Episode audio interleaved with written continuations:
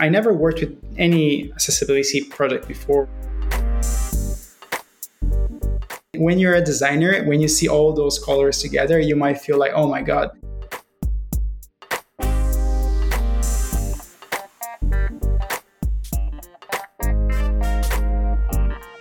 Hi, I'm Szymon Trzepla, and this is UX godzinach podcast.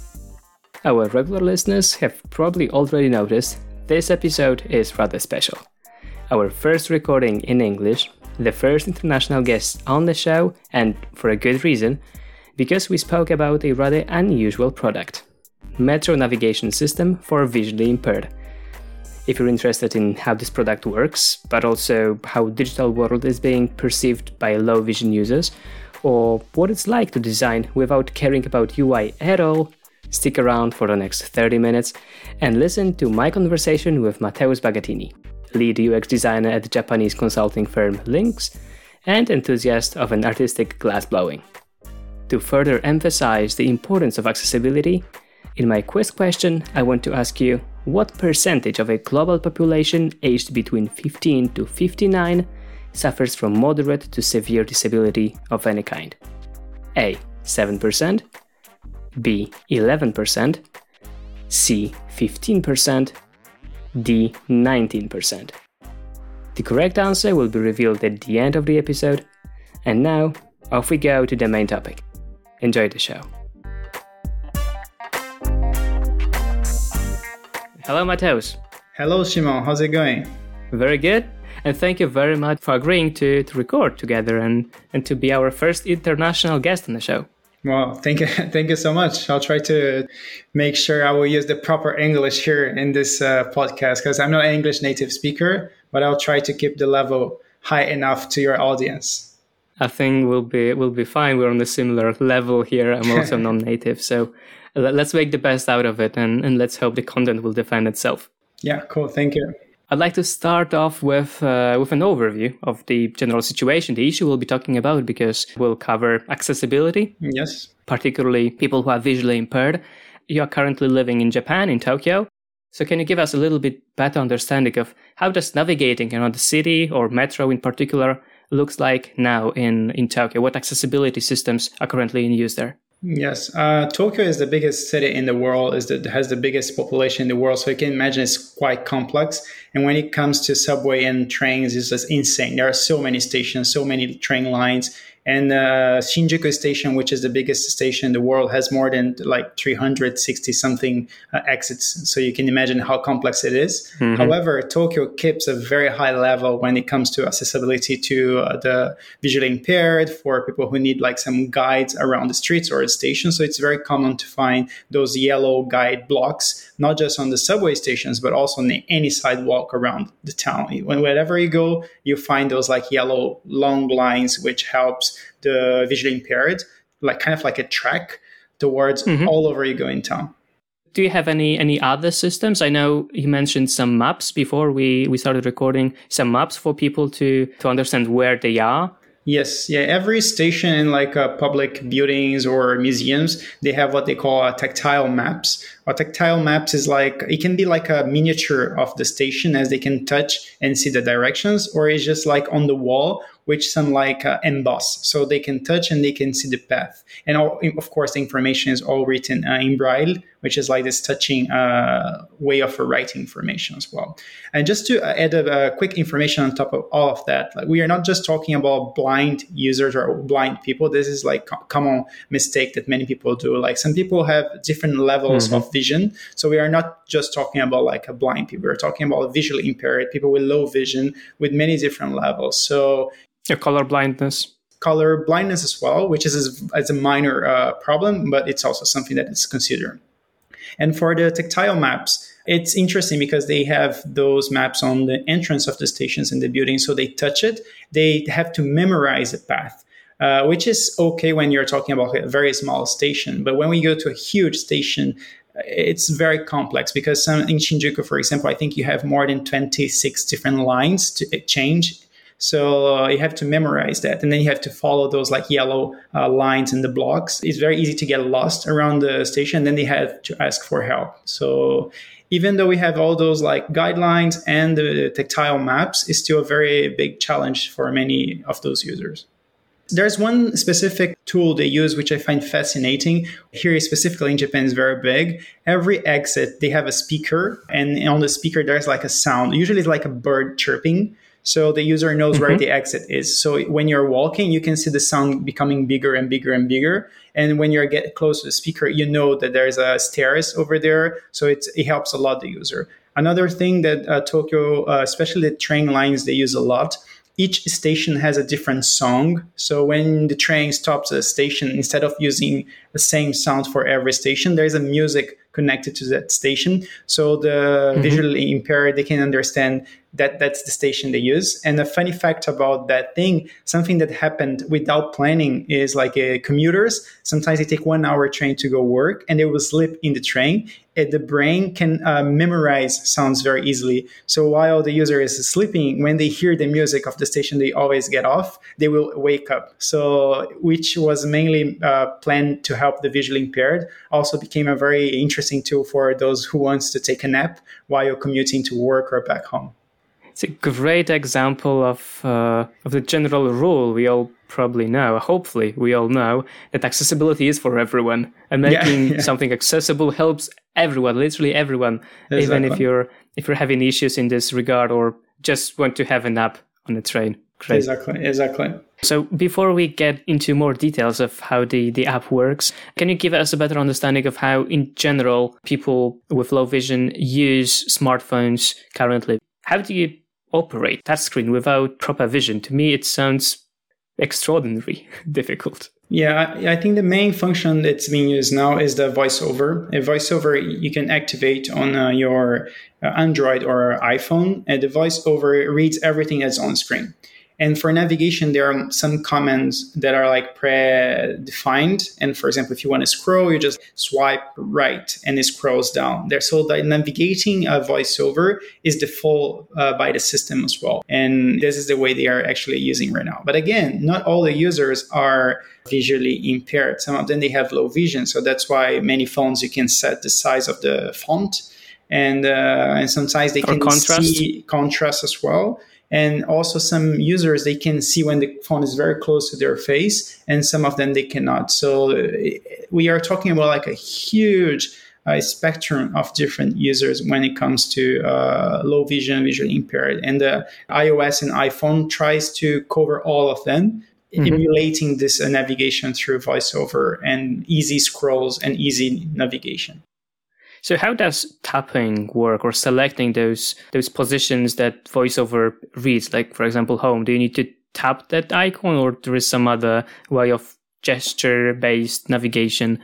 Yes, each system has a different uh, navigation style. They're kind of similar because it has to be more standardized. But if you click, it reads. If you click again as a second click, which is the action, and uh, scrolling usually like swipe is scrolling and uh, going back okay. scrolls back. So it's it's very default. If you if you turn on your voiceover in your phone, you can try it. It's already set on the phone. Your app also used some of those features. So can you talk us through how exactly the uh, Shikai app works? Maybe like step by step, feature by feature, and uh, why it was important. So imagine, try to picture that you have a huge subway station across the whole station, you have this uh, central yellow line that usually guides those visually impaired users. Dot blocks normally they are crossings, they are junctions. The QR codes are placed mainly on the junctions because it's the only place the user needs to find like should I go left, right, or head. If I'm a user and I decide to go to toilet, I started my journey in the entrance of the station. I read the first QR code. So I know exactly where I am. The app knows where I am. If I choose toilet, the user then will be guided across the yellow lines, which contains the QR codes on top. And then they will be navigating. Every time the camera that is should be always pointed to the floor reads the QR code on the junction, they will receive a, like a vibration and also like a notification, like a sound uh, information telling you are in the junction, go straight or go left or right And this navigation is not the phone voiceover. Then we come to the Shikai voiceover, which also gives direction and tells the user what is going on on the screen, but is more related to the navigation itself, where they should go, what's the next move. And at this point, as I understand, no touch input is required. So app guides you reading those QR codes and you just need to follow and hold the phone still facing camera downwards. Exactly. The first input you need to touch because you have to choose your direction. And after you touch the using the voiceover, the phone voiceover to select the, your destination, you don't need to use the screen anymore. However, we still have uh, some functions on screen that can be touched if the user feels like. Number one function is to repeat the less common. If you couldn't hear well because the train was passing or because you didn't pay attention, there is one button that allows the user to repeat the last movement.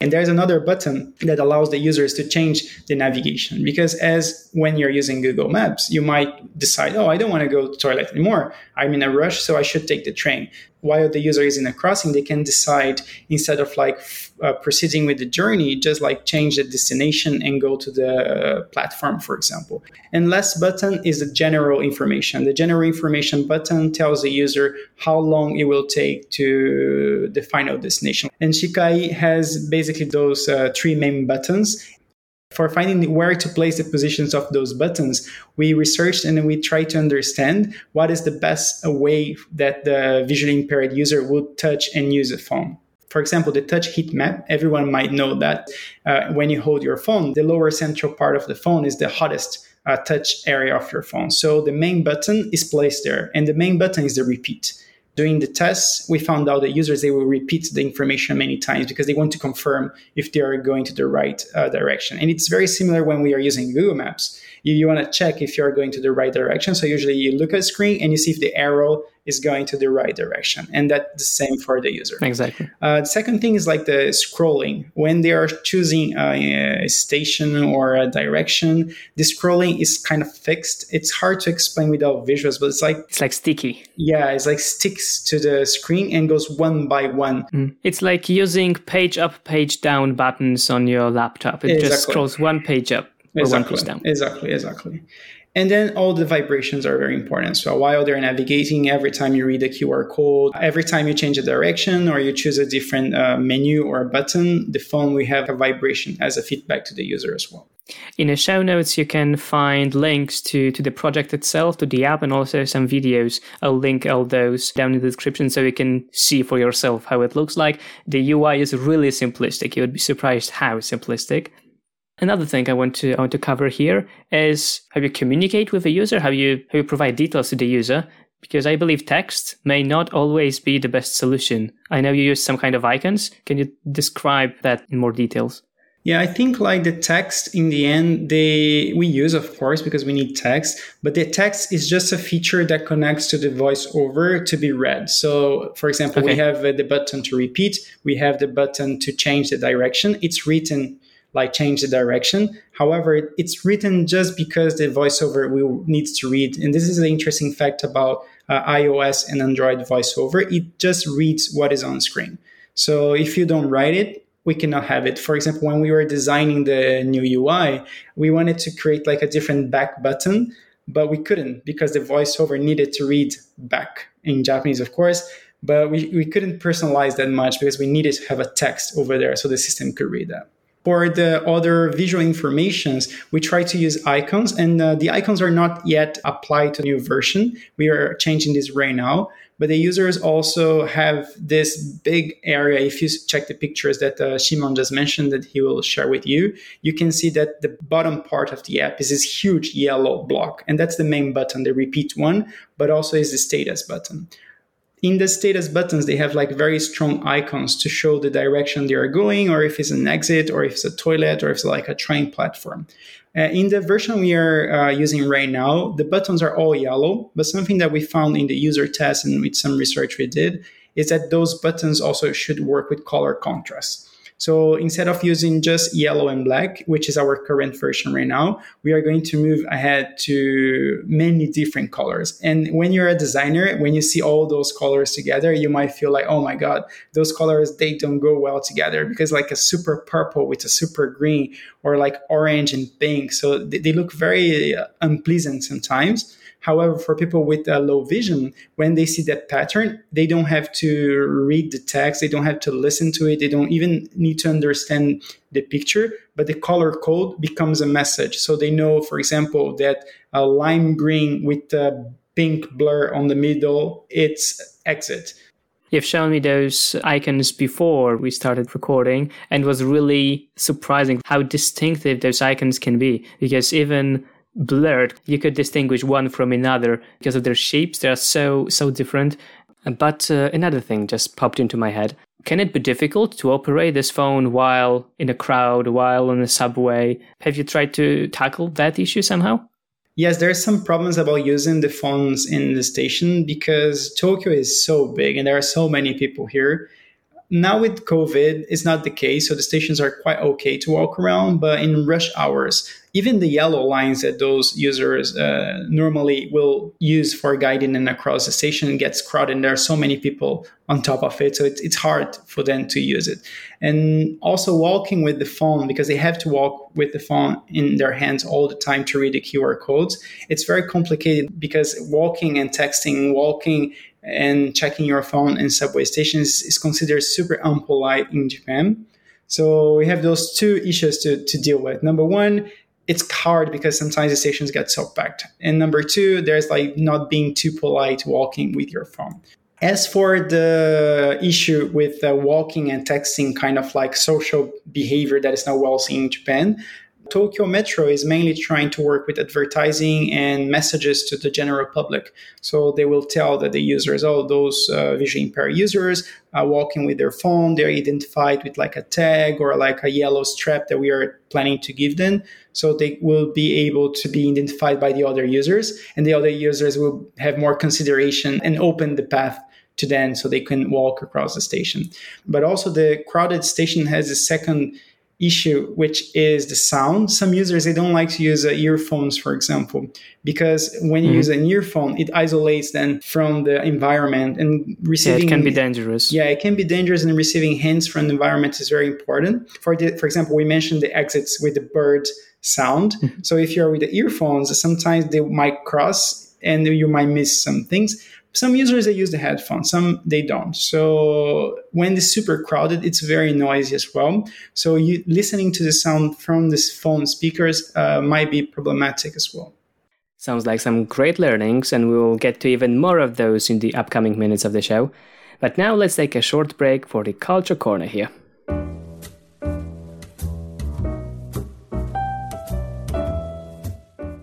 We're gonna take things slow now and talk about a book you can recommend to our listeners. Do you have anything worth mentioning in mind? I haven't finished yet, but I'm about to finish this book, which I'm finding fascinating. Probably you heard about that before, which is called Range Why Generalists Triumph in a Specialized World. So, this book is mainly talking about how being multidisciplinary gives you more advantage or not not just advantage, but how not professionals, but like uh, artists, people in general, more things you learn and more different things you learn, more capabilities and more your cognitive system will be developed. And in this book, the author covers artists, musicians, athletes, and he stresses the idea of like we need to learn more things in a bigger variety of things instead of focusing in just one specific thing. And i think design is very close to that because being a ux you can do so many things. You can be a ux writer you can be a ux uh, working with just ui you can do just user research you can work cx and i think being able to cover broader fields and mixing also with things that are not related to your profession like doing art or music it's also very positive to learning and for the well-being as well yeah it can definitely broaden your uh, your horizons and give some relief to your mind after the exactly. long day at yeah, work. Yeah, exactly, exactly. It'd be, be refreshing. And also, as always, you can find link in the description to the book we've covered. And now, back to the main topic. All right, so uh, you previously mentioned research a couple of times in validating your design. I just wonder how can you validate such design as not not a typical user of such systems of voiceovers, etc. Can you test it yourself, or do you need to strictly rely on users of such systems? Yes, this is interesting. As you might imagine, for testing yourself uh, an app that is focused on like visually impaired users or low vision, you have to somehow like block your vision for doing that. And yes, we do that. We did that. Like we would like blindfold ourselves. Of course, we will go with someone else, not alone, and uh, mm-hmm. we will do this the test. However, even if you do that, the experience is not the same. Exactly. Because as I mentioned, like this, the surroundings, the way those users they understand sound and the physical space is different. Of course, you blindfold yourself, you will get, of course, some good insights and everything. But in this case specific, it's I think would say for any kind of like a project and, and service, it's super important to test with the real user. Shikai has this good part, which is they have training centers in Tokyo. So it's not just they go in the app store, they download the app, and they can like go using around the town. Mm-hmm. They have a lot of like uh, people helping them to understand how to use the Shikai, and not just the Shikai, even the voiceover. When a user touches a phone for the first time, they might not be able to use the voiceover. They don't even know how to activate that. So those training centers, associations for uh, visually impaired and people with low vision, they train those users. They help them to be able to use their smartphones, their computers, and everything. So those associations they will help us to get a very good percentage of every type of visual deficiency or like low vision style that those users will have. So that was very helpful for us. And thanks to those associations, we could gather the users and we would go together with them to the stations and run the tests. And the feedbacks were just amazing. Okay, splendid. So this is one source of information you had. What other sources you used to learn about this topic? Because you you're not an expert in in accessibility, so you had to learn a lot to to get into this mindset. This is something also that uh, for me I found fascinating because I'm a designer. I've been working with design for a long time. We take so many things as granted.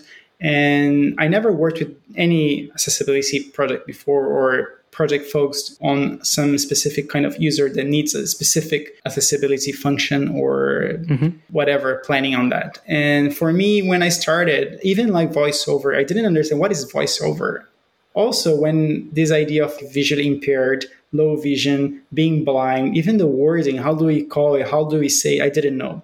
Luckily i had many resources. Number one resource was the team. They were working as a mvp before and inside the team we had two researchers. They are like phd in like image recognition and visually impaired tools for improvement of like society well-being in general. So i learned a lot with them. They taught me a lot of stuff. So it was very interesting to work with researchers in the team.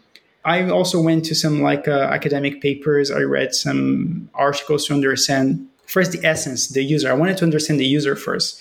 I was even afraid about like how I should call them. I, I didn't want to sound offensive, you know, like I cannot call, can I use the word blind or there's another way to say that. So I. It is also an issue in Poland. It can be a, a, really sensitive matter. Exactly. So I learned that a lot in the research and with my team. And then when it came to the design part of it, I had some intuition, of course, about contrast and everything. And we, we read some articles and everything, but I was not a specialist. So I went across web as we always do. I checked some articles. So I did a desk research to understand better how to implement good practices of accessibility to Shikai as well. And about speaking uh, about disabilities and working with disabled people, what was your experience? How you finally uh, managed to grasp how to call them and how to work with them? I think uh, the language is different because in Japanese, there is no offensive way to call a visually impaired person. So the first one is visually impaired person, which is very formal. The second one, it's very simple, which is like people who cannot see. If you would translate. So mm-hmm. in Japanese, we didn't have this uh, problem with offending then with the wording, but talking about the deficiency and talking about the usability itself, we had to always take care and ask in advance to the association, for example, what kind of like disability this user has. Because it's not just like I'm jumping into a user test and I will ask the user, oh, how, how much do you see? So that will be not that nice. Yeah exactly. So yeah like so this like preparation before and talking having this association was very important. So that's why when we work with very specific products and services not just w- when it comes to accessibility it's very important to have professionals who understand the topic to back you up. All right. So was the process of developing and a solution any different to a typical projects we might have related to e-commerce or banking? Yes, I think it was it was very different in the way design wise this was interesting because as you mentioned it's like a super simple ui we cannot add anything on top of that. So ui was not a thing. So ui had to be simple functionality had to be simple. When you think about e-commerce it's like a very complex website with a lot of information. When you think about an app yeah app has a lot of screens a lot of functions. When you think about shikai it's three buttons so, how to make it minimal and sometimes not to care about design, which was very interesting. For example, aligning things or the size of the buttons. And like I wanted to create this like an original back button, but the voiceover wouldn't read it. And so, okay, like what is what is important here is to give the functionality. Yeah, really down to earth. Exactly. As for the working process, I'd say that working with a user, which is a minority, opened our eyes towards this thing that's called accessibility right now. It's becoming a, a, topic for learning and working. And that made me think about how we are not looking at accessibility in other websites and other apps and other services because those users, they exist, but it's very common that you're going to find websites and apps that are not friendly for those users because the typefaces are bad to read. For example, when you use like uh, all caps, it's very hard to read for some users. So avoiding all caps mm-hmm. is a very simple thing that we can do as designers, but we don't do because we want to make it look cool, and we are going to use buttons with like all caps. And it's bigger, so it looks like it's easier to read. Like bigger letters, better readability. Yeah, which is now. So this is a this is a good uh, tip for designers over there listening to us, if you create uh, apps or websites or anything else, avoid using all caps like big letters because for low vision users, it's way easier to read when you use like normal all and lower caps together. Interesting. So, do you have any other learnings, surprising maybe, apart from the fact that yeah. UI doesn't matter and don't use all caps? yeah, for example, something that I found amazing was about uh, dark mode. I hate dark mode personally. I think there was this big trend. Everyone wants to have everything dark mode, dark mode, dark mode Mac, dark mode Chrome, dark. I, I don't like personally. However, like when we were researching about accessibility and everything else, actually dark mode is way better to read for any visual impaired users. So if you see Shikai, Shikai is black. And the reason is not because it's cool. It's not because black mode is trendy. Black with uh, white text on top has a way bigger uh, visibility for those users. Hmm, that's interesting. I thought it would be exactly the opposite. Like the books are all white with black letters, so. I think white reflects a lot of light. So it's a lot of information coming to the eyes. And since they have low vision, the black narrows down the text. So they're seeing just the shiny part, and the shiny mm-hmm. part becomes the, the typeface and not the background. Okay, cool. Very cool. Great. Thank you for that. Thank you for a really insightful conversation. I think we'll be uh, slowly coming to an end here. But before we finish, just one last question we always ask all our guests. How do you explain to your friends and family what do you do for a living? Uh, yes, yeah. This is a this is always a nice question. uh, for my friends, I think it's quite easy because my friends are very they are working with very similar things than me. But for my mom, I used to like a long time ago, I used to be a graphic designer. So it was easier. I would tell her, I'm doing this packaging, I'm doing this logo. It was like way easier. Now I'm doing user research, I'm doing user tests, I'm doing more planning part of design. So I'm not doing lots of UI kind of thing. Still, I tell my mom that I'm working in the development of apps or websites. I think is the easiest way she can understand. Is it enough for her? Yeah, I think she, yeah she doesn't care that much to be honest. so yeah, but I'd say for my friends, I have some friends who don't understand UX itself. So sometimes they say, "Yeah, yeah, I do the screens. I do the I do what you see your screen." And so it's the end of the conversation. cool, great. Thank you very much for this conversation. Thank you for your insights and everything best in the future for you and for the Shikai app. Thank you, Simon. Thank you to you for uh, the invitation, and thanks for everyone who is listening to us. I would be very happy if you could like a quick research and quick check about accessibility and start to thinking about how you can improve your uh, work from now and on to include those users as well in your future projects. Thank you so much. And that would be it. Thank you very much to Mateus for sharing his story. I honestly feel like theoretical content on accessibility is everywhere, but the real world factor is missing. I strongly recommend checking our show notes today, where you can find videos of the Shikai system in action, as well as screenshots of its extremely simplistic UI. Do you remember the question I asked 30 minutes ago? What percentage of a global population aged between 15 to 59 suffers from moderate to severe disability of any kind? According to the World Report on Disability by the WHO, it's 15%, so the correct answer is C. Notice, that age group is well capable of using digital products, so they are likely to be your customers. Ask your stakeholders if they are okay with dropping 15% of the customer base next time they decide not to optimize for accessibility. Thank you for listening, and until the next one. Bye.